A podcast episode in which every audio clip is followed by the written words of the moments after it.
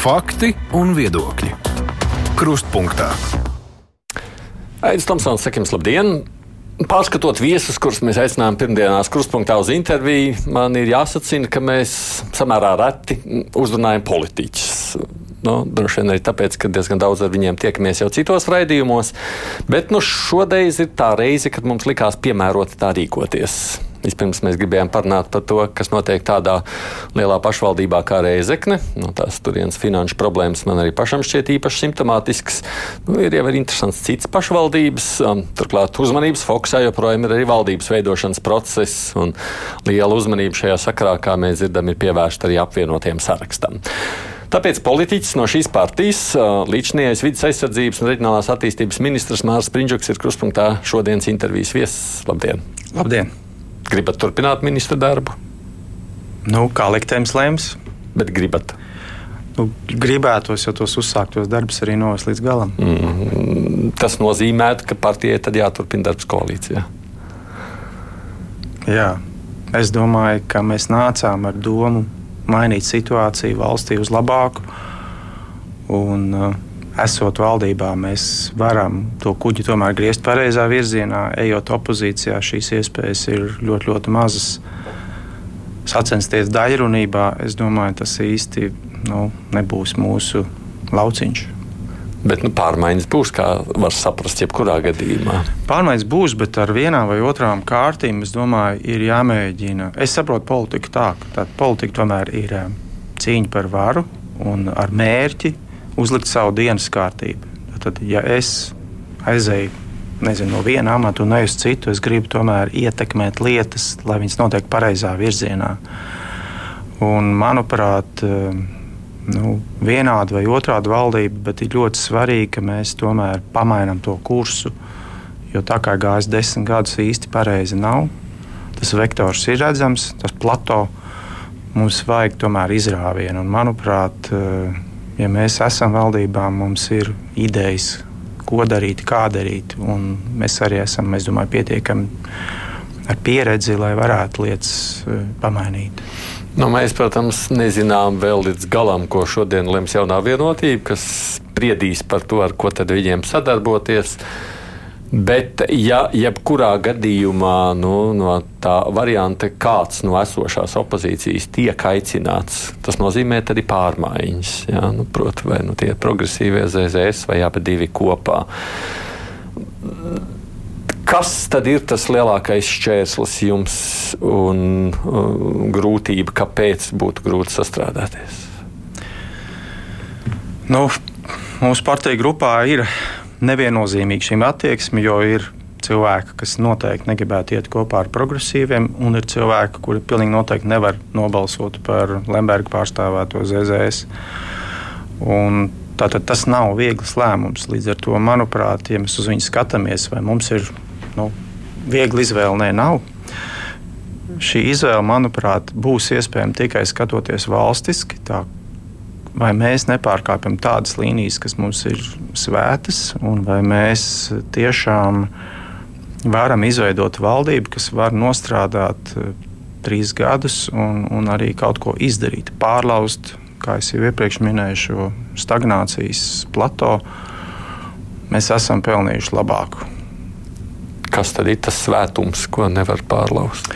Es domāju, Mums ir jāsaprot, ka mēs stagnējam lielā mērā tāpēc, ka mēs esam jau 20 gadus likuši kārtu uz Krieviju. Vai tas ir tranzīts, vai tā ir naudas mīšana. Nu, visa šī paļaušanās uz vieglu naudu no austrumiem mums ilgtermiņā ir izrādījusies milzīga kļūda.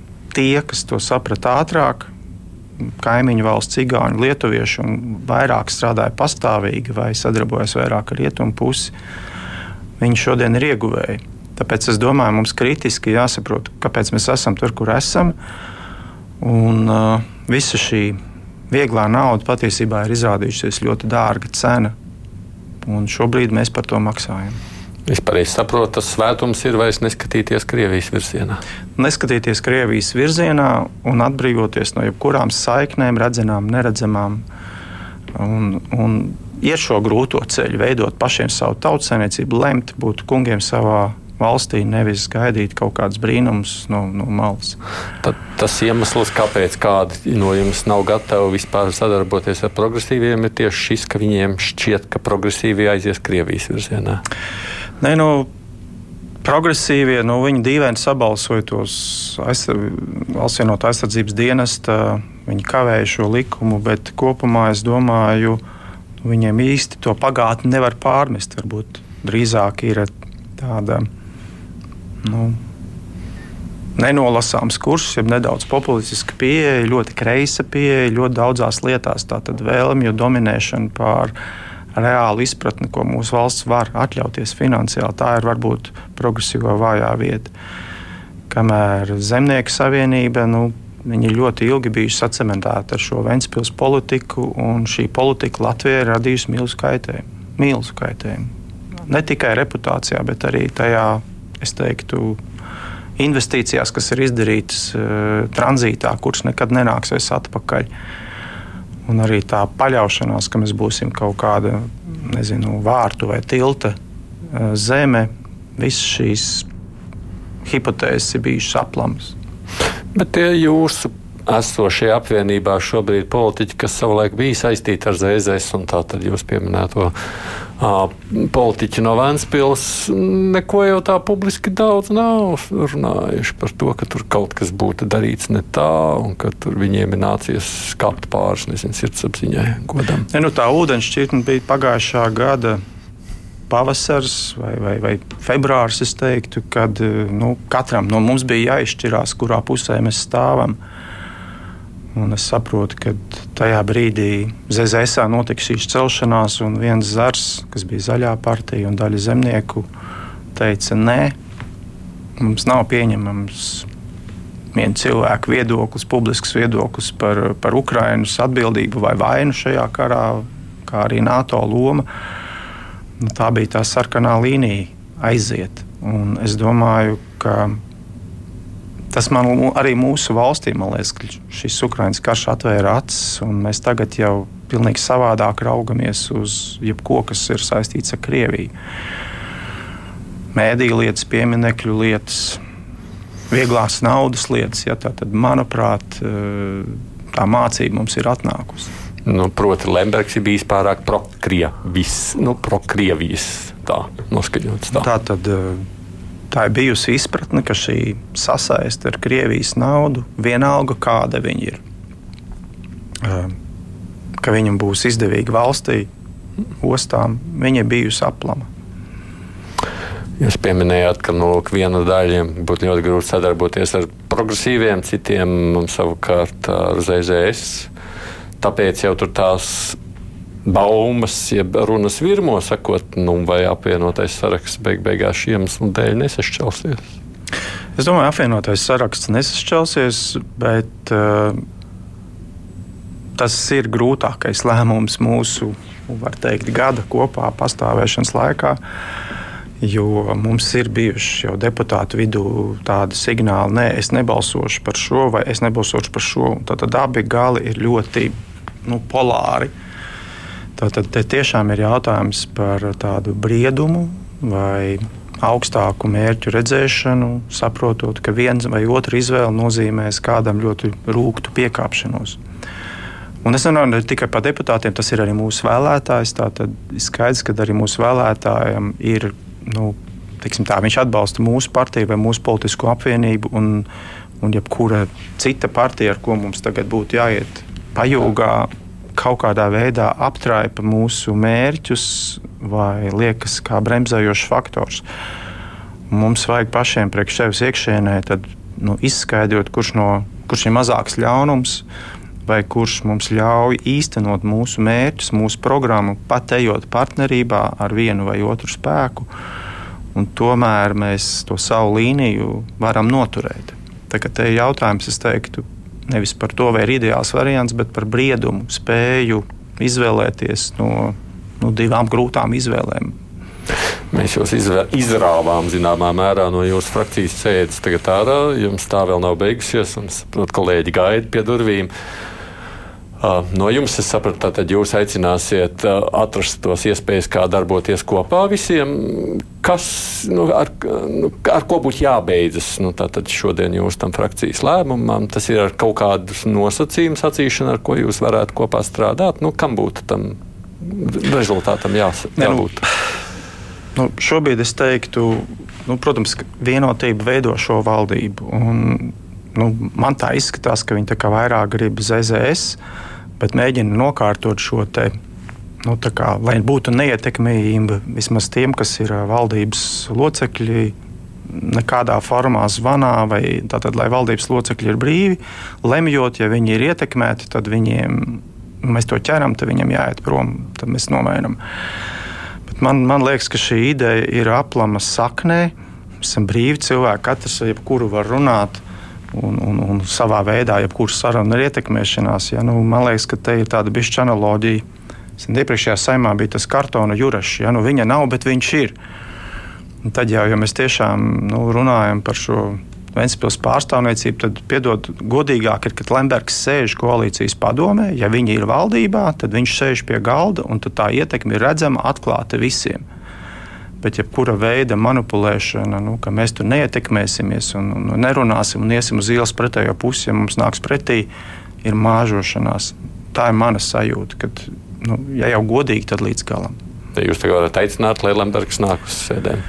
es esmu vulgarizējis, tikai gribu teikt, ka šī vēlme noslēpt Lembergu ir partiju mānīšana pašiem sevi un cilvēku mānīšana no malas.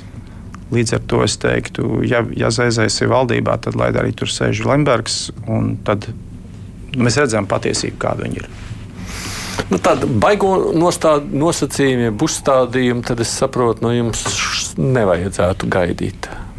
Nē, nu, kā jau minēju, šobrīd mums ir grūtas izvēles, un tātad mums ir jātiek skaidrībā, vai drīzāk iet ar progresīviem, vai drīzāk ZZS. Tas ir arī stāsts par Nacionālo apvienību, jo arī viņiem ir savas sarkanās līnijas. Tātad, manuprāt, tie, tās grūtās izvēles ir jāizdara gan Nacionālajai apvienībai, gan apvienotam sarakstam.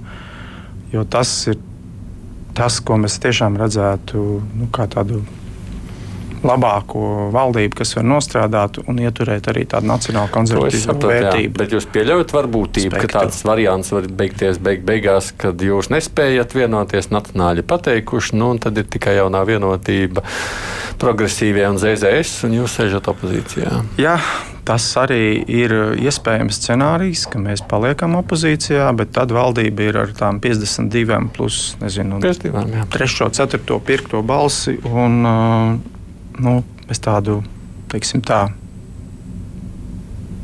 neko labu neredzam šādā risinājumā, ne valstī, ne arī valdībai. Tāpēc, manuprāt, tas nebūs ilgspēlējoši. Bet nu, nodot ideāls īsti tikai būt varā par jebkuru cenu, tas arī, manuprāt, nav iespējams. Nu, kā zināms, šī esošā koalīcija būtu varējusi palikt darboties tad, ja jūs būtu, nebūtu ministrs un ekonomikas ministri būtu cita. Jums tad ir skaidrs, beig beigās, kāpēc tā un kāpēc jūs nepiekritāt, tad, ja lielās valsts nu, tā kā labklājības vārdā atkāpties. Nu, mana sajūta ir, ka jaunā vienotība meklēja veidu, lai jaunai vienotībai nav jāgāž pašiem savu valdību. Un šis ir viens no risinājumiem. Piedāvāt pazemojošus noteikumus, nepaskaidrojot, kāpēc. Um, lai tie grēkāži būtu tās citas partijas. Ja, es šeit nemeklēju dziļāku skaidrojumu, jo uh, nu, ne man vērtēt manu darbu vai ministrijas darbu, bet, manuprāt, eh, ir noticis kursa maiņa sadarbībā starp pašvaldībām un, un valdību. Un, eh, bez šīs sadarbības mēs patiesībā nevaram izdarīt ne skolu tīkla reformas, ne veselības, kur tur nu vēl veidot jaunos novadus, kas spētu tomēr nostāties, stabilizēties un attīstīties arī austrumu pierobežu zonā. Mums ir tomēr jāpārlauž šī mūžīgā dilšana, atpalicība, un to nevar izdarīt savādāk, kā runājot vienā valodā un strādājot kā komandai, valdībai un pašvaldībām. Nu, bet, ja jūsu personība bija šķērslis, lai esošo koalīciju saglabātu, jūs taču varējāt atkāpties. Teikt, nu labi, lai nāk cits ministrs, galvenais, lai strādā visu kopā valsts labām. Nē, nu, mūsu pozīcija bija skaidrot, kāpēc tieši vajadzīga šāda rokāde, kas ir slikts šo ministriju pieteikumā. Nu, nekāds no šīm atbildēm nebija. Līdz ar to es to arī nemēģinu tur meklēt eh, kaut kādu dziļāku kontekstu vai meklēt vainu manā vai varam darbā vai, vai, vai, vai, vai, vai, vai Nacionālajā apvienībā meklēt eh, vainu ekonomikas ministrijas darbībā vai Indriksons darbībā. Es domāju, ka tas vienkārši ir lieki. Nu, bet, ja to politiska konjunktūra, nu, lūk, mīļā miera labad, taču varējāt ļauties. Nu, redzot vienotības retoriku, viņu īstenā vēlme bija faktiski divas. Skaidrs, ka šis prezidenta vēlēšana process bija savu veidu darījums. Parādi ir jāizpērk, un otrs, protams, vienotībai ir diskomforts. Nu, esot nosacīti mazākumā pašiem savā valdībā, ja ko viņi vada. Un, un tādēļ arī ir šie, manuprāt, divi vadošie faktori sajaukt kārtas tā, lai nākamā valdībā ir lielāks spēlētāju skaits, tās četras kājas, kur vienotība ir lielāka nu, teiksim, spēles iespēja. Viņi nav atkarīgi ne no viena. Un otrs, kaut kādā veidā arī saglabāt seju. Nu, tā, tad, nu, tā pirmā koalīcija redz, nebija laba, un tagad būs tā īstā labāka. Nu, man liekas, tas ir veids, kā saglabāt seju. Nebūtu jāsaka, ka bija vienkārši prasts tirgus. Nu, kas izklausās pēc tā, nu, redz, tajā brīdī, kad vienotība jutās viena un jūs tur kopā ar Nacionālo apvienību divi, tad, tad trīs kājas nav stabilas. Tad, tad pašā sākumā tomēr ne, nu, ielikts pietiekoši liels diskomforts, lai, lai tas ķēblis būtu. Pēc iekšpusē jau īsti tā nebija. Nu, kamēr nebija šis prezidenta vēlēšana posms, patiesībā mums bija tā situācija, ka tā bloķēšanās bija nu, dažreiz vienotība ar apvienoto sarakstu, dažreiz eh, vienotība ar, ar, ar Nacionālo apvienību. Tātad mums nebija tāda visos jautājumos eh, unisons vienā otrā jautājumā. Bet brīdī, kad jau maijā bija skaidrs, ka tad, tad, nu, vienotība iet nu, saka, pāri līķiem, lai panāktu balsis. Nu, tas mūs satuvināja, bet es nedomāju, ka tā satuvināšanās ir pa jebkuru jautājumu spektru. Mēs jau neejam apvienoties par vienu partiju, jo mūsu ideoloģijās ir pietiekami daudz atšķirības. Tā tad, eh, manuprāt, tā ir drīzāk tā muguru salikšana kopā, jo nu, tas apdraudēja šīs valdības stabilitāti un visi šie riski, ko mēs teicām, diezgan piepildījās. Tātad, nu, lai tās balsis būtu, acīm redzot, ir iedot šie solījumi. Bet skatoties tādu uz atpakaļ, nu, labi, arī droši vien tajā brīdī, kad virzījāt pīlēnu, zinājāt, cik tas varētu būt liels diskomforts jaunai vienotībai un esošajam premjeram, zinot viņa esošās attiecības. Nu, tas bija beig beigās tiešām rīkojoties pareizi, virzot prezidentu un šādā veidā izjaucot koalīciju. Es domāju, ja otrais dzīvotu vai zinātu, var jābūt, ka mēs kaut ko būtu darījuši savādāk, bet nu, varbūt tas ir kaut kāda veida, nu, sauksiet, politiskais naivisms, jo nu, vēlēšana sistēma jau paredz to, ka katra partija var virzīt savus kandidātus, mm. un mūsu prezidenta kandidāts bija nosaukts jau priekšvēlēšanu. Nu, gaisotnē un veidot koalīciju, mēs tiešām netirgojamies par prezidenta amatu. Līdz ar to mēs gājām ar tīrām kārtīm, mēs teicām, mēs nevaram atbalstīt Levitu, mēs virzam savu. Un pusgadu vienkārši par to nebija jēga runāt, jo nu, valdība sākus strādāt, bija citas problēmas. Un tajā brīdī, kad mēs nosaucam, radās šoks, kā tā var būt, kad pīlēns pie tam nu, viņš baudīja arī pietiekami lielu saimnes atbalstu. Nu, tad, kā lai saka, bija pretspēle un, un, un, un, un, un kā lai saka. Varbūt vajadzēja mazliet ātrāk at. Jēgties neskan lāga, bet nu, doma tāda. Es saprotu, bet manuprāt, nu, šobrīd tā spekulēšana, kā būtu, jā, būtu, ir, ir lieka. Mēs esam Tur kur, esam. tur, kur esam, un mums no šodienas situācijas, manuprāt, ir jāspēlē veidā ātrāk izveidot valdību, stabilu valdību, ideoloģiski nepretrunīgu valdību, un arī domāt par mūsu valsts tēlu starptautiski, jo nu, viens galvenais faktors ir tiešām nes, nu, mūsu investīcija apjoms ir ļoti niecīgs Latvijā. Gan ārējās investīcijas, gan arī pašu cilvēku investīcijas. Tātad bankas ir pilnas ar cilvēku noguldīto naudu, jo viņi neriskē, baidās ieguldīt. Ja tātad šeit tiešām ir jābūt pārlauzienam, gan domājot par ārējo naudu, lai mums ienāktu ārēji investori. Mums ir kaut kas jāmaina veidā, kā mēs izskatāmies no malas. Nu, šis arī būtu vēl viens liels atsevišķs stāsts, bet tad, kad mēs lēmām par to, nu, ka mēs jūs aicinām uz sarunu, tad ne, iemesls nebija tikai, protams, valdības koalīcija, apvienotais saraksts ir plašāks. Mums šķiet ļoti interesanti arī tie notikumi, kas ir Rēzeknē, un mēs šeit krustpunktā esam mazāk par to runājuši. Vispirms tā vispārīgi sakot, kāds tad ir tas jūsu verdikts par tur notikušo, kas tur ir noticis? Nu, es trešdien tur biju. Nu, vienā teikumā ļoti, ļoti bēdīgi. Tā tad um, pilsēta ir gāzējusi, nav īsti skaitījusi savus resursus. Un, uh, manuprāt, arī budžeta vadība ir zem jebkuras kritikas. Tātad, uh, pat ja notiek, pat ja ir pieņemts budžets grūtos apstākļos, jo visām pašvaldībām šis bija grūts budžets. Jo grūtāks budžets, jo vairāk ir jāsako jebkuram sadārdzinājumam. Ja ir sadārdzinājums, tad pašvaldībai jārēģē, jāatsakās tūlīt un nekavējoši no kaut kādām citām lietām. Un šī vienkāršā loģika tur nav strādājuši. Viņi ir aizgājuši līdz nu, jau septembrim. Es saprotu, rītdien būs kārtējā domas sēde vai ārkārtas sēde, kurā viņi ar domas spēku lems pieprasot nu, finanšu stabilizācijas nepieciešamību, kas nozīmē, ka ka vajadzīga injekcija no valsts, no nodokļu maksātājiem, palīdzot pilsētai, un arī nu, savā ziņā tā ir autonomijas pazaudēšana, jo tā stabilizācija nāk ar finanšu uzraudzību no finanšu ministrijas, kur tā tad mēģinās ievest kārtību tajā lielajā nekārtībā. Nu, šajā kontekstā esmu dzirdējis gan jūsu sacīto, gan arī prezidenta teikto. Nu, tad ir jautājums par mēra atbilstību, jeb atbildību.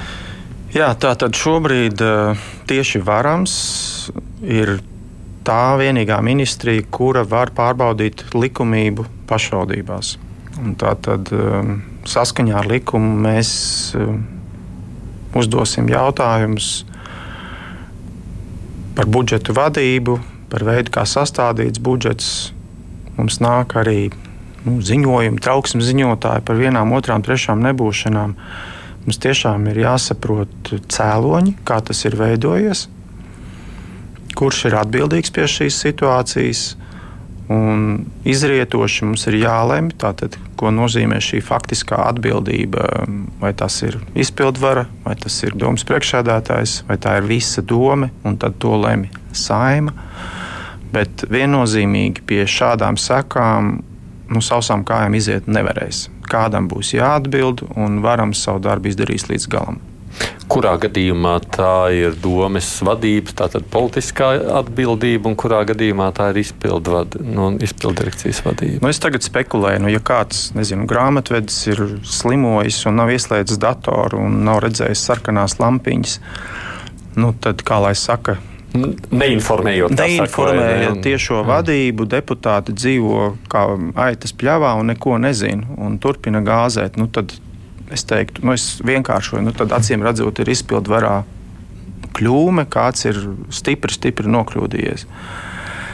Ja ir bijis otrādi, ka tā informācija bijusi, bet deputāti nav informēti un nav lēmuši, nav pieņēmuši korektīvas darbības, nu, tad, tad kurš var veidot dienas kārtību deputātiem, kurš var sasaukt un lemt jautājumus finanšu komitē. Tas ir domas priekšsēdētājs. Tā būtu domas priekšsēdētāja atbildība.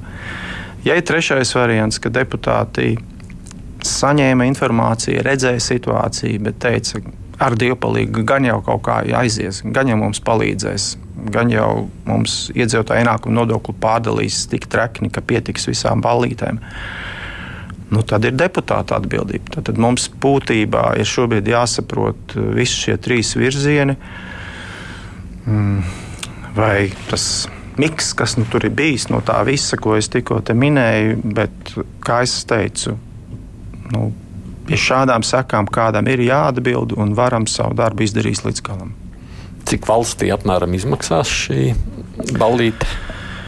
Nu, tas, ko mēs sapratām, trešdien tie nav 1,3 miljoni, ko prasa aizdot uh, Reizeknas pilsēta valdībai. Tātad viņu saistības jau šogad ir 5,6 miljoni dažādos uzsāktajos projektos kur ir sadārdzinājums. Tātad, ja mēs liekam algas, siltumus, uzsāktos Eiropas projektus, kuros ir problēmas, tad, tad tā ir ja, nu, četras reizes lielāka nauda. Proti, tā ir tā nauda, kurai šobrīd īsti nav seguma.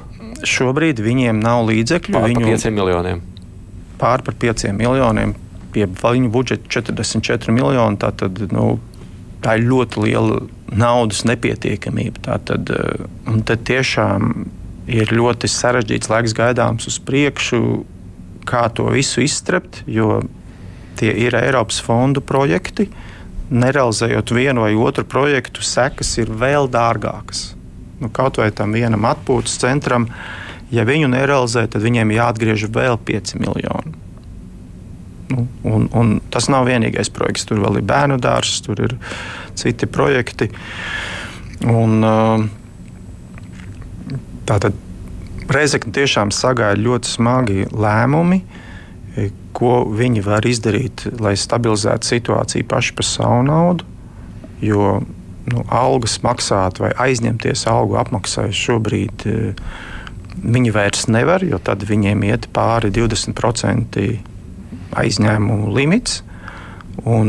Šādus aizdevumus var iedot nezinu, vienam vai otram Eiropas projektam, pat ja iet pāri 20, bet mēs nevaram iedot piedot viņu algām. Likums to vairs neļauj. Tad tiešām ir stabilizācija, un tad ir pilnīgi cita lietu kārtība, kurā šos lēmumus pieņem finanšu ministrija, kādās porcijās, kādiem mērķiem. Bet viennozīmīgi tātad šeit prasās ļoti liela revīzija, tāpēc man bija šaubas, vai dažu dienu laikā līdz rītdienai pilsēta, kura nav šo higiēnu gadiem pildījusi, saprotot, kas ir obligātās lietas, ko nosaka likums, kurš nevar nedarīt, un kas ir brīvprātīgās lietas. Nu, nu, nav obligāti visas tās rekreācijas pasākumi. Ja ir nauda, darām, nav, nav nauda, tad nedaram. Atliekam pagaidām labākus laikus. Ja, tad, tad tur šis viss ir sajūcis un ir dzīvots ilgstoši pār līdzekļiem. Un, nu, tagad ir realitātes brīdis. Tas ir kā bērnam iedot kredītkarti. Nu, viņš neredz to, cik maciņā ir nauda. Viņš tērē, tērē, tērē, kamēr viņš ir rīktīgā mīnusā. Tur jau nu bērnam nekāds realitātes brīdis neiestājas vecākiem droši vien vienlaikus. Nu, nu šobrīd ir līdzīgi. Tātad valsts šobrīd ir vecāka lomā. Mums ir jāsaprot, kā tā gadījās. Tikai otrā pusē nav bērns. Tur ir vesela doma vesela pilsēta. Kad varētu būt nu, kaut kāda skaidrība, ja baudīt rezultātu, lai jūs varētu lemt par atbildību?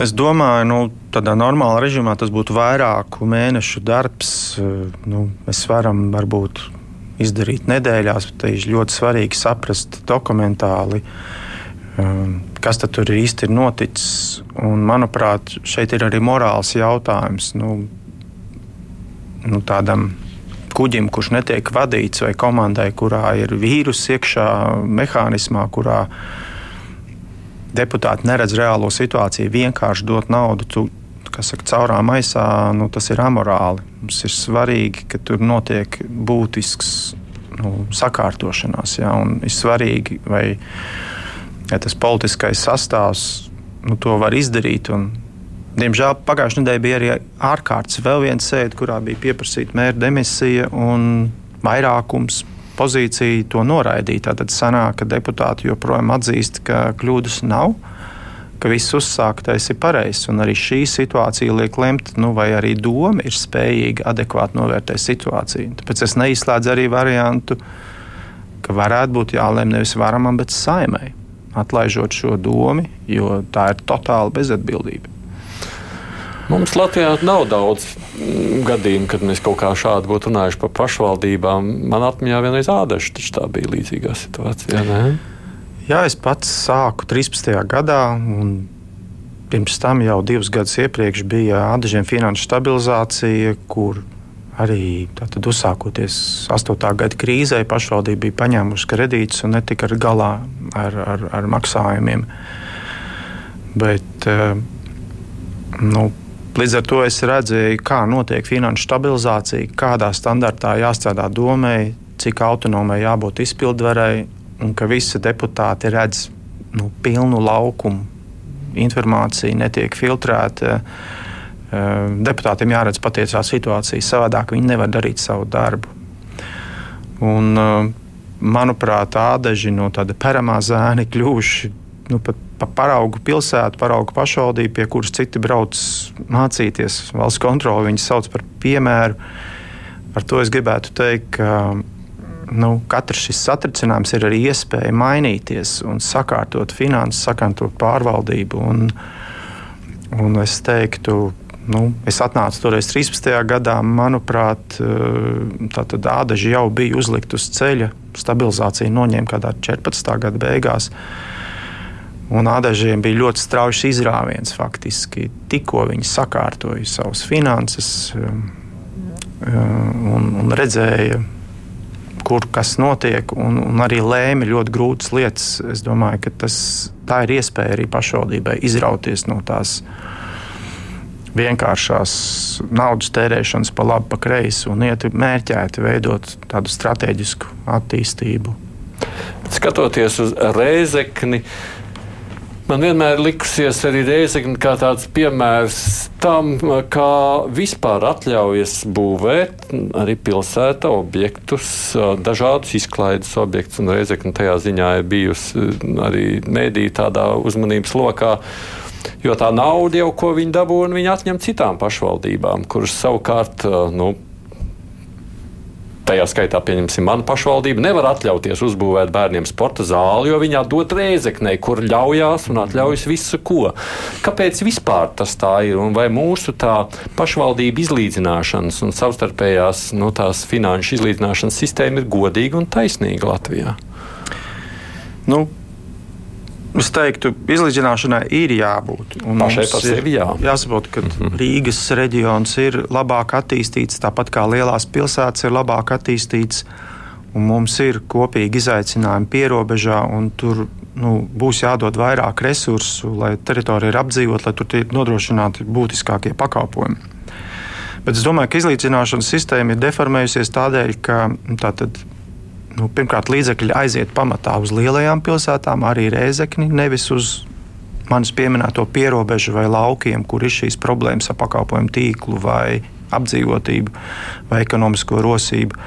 Un otrs, ka šo līdzekļu viņi, iedo, viņi tiek iedot bez nosacījuma. Tad dariet, ko gribiet, būvējiet kaut vai šos rekreācijas objektus tajā laikā, kad ir reāli izaicinājumi, nu, kaut vai skolu tīkls, ja viņu dzēnu uz priekšu, tad būs, nu, viņš ies tik ātri, cik mēs atrisināsim šauro lietu. Te, tad tie ir skolēnu pārvadājumi, tā ir uzņemušās pašvaldības spēja veidot lielākas telpas vai kopmītnes, lai uzņemtu šos bērnus, nodrošināt dienas pirmās puses aktivitātes un dienas otrās puses aktivitātes, jo bērns dienā dara arī sports, mūzika un, un, un interešu izglītību un tā tālāk. Un šeit ir ļoti būtiski, ka valsts finanšu sistēma ir sasieta ar valsts mērķiem. Nu, skolu tīkls ir valsts mērķi, bērnu kustība, mobilitāte, transports ir valsts mērķis. Un tātad šeit būtu jāsaprot, ka valstīm pašvaldībai sadarboties, resursi varētu nu, tikt virzīti mērķēti tieši šīs nu, šaurās mhm. vietas risināšanai. Un par to pašu naudu, kas mums ir, mēs varam izdarīt vairāk, ja mērķēti atrisinātu to šauro vietu. Ja mēs to naudu vienkārši iedodam nu, par baltu velti, un kā lai saka, nu, pašvaldība ir diemžēl tāda tendence nu, savu naudu septiņreiz nu, mērīt un tad viņu kaut kur ieguldīt, jo iedzīvotājiem ir jāatskaitās. Un kļūdas cena ir ļoti, ļoti augsta, politiskās kļūdas cena. Bet, ja ir šī dāvinātā, tā kā eiro fondi, nu, tad var jau akstīties vai kaut kādi granti, kā bija Covid. Jā. Un, jo tā ir dāvināta nauda. Nu, nezinu, bija basēns, nav, ne, nebija basēns, tagad ir basēns. Nu, par ko sūdzēties? Un, manuprāt, tā tad pret publisko naudu ir jāizturās atbildīgāk un arī jāveido pašvaldību finanšu sistēma veidā, kurā līdzekļi tiek virzīti būtiskajiem pakalpojumiem. Būtiskie ir skolas, sabiedriskais transports, komunālā infrastruktūra, veselības pieejamība, sabiedrības drošība. Nu, šie manis nosauktie pakalpojumi stāv pāri, piedodiet, kāpšanas sienām vai, vai, vai, vai kaut kādām labiekārtojumiem, vai ārā basēniem, vai vēl kaut ko tamlīdzīgu.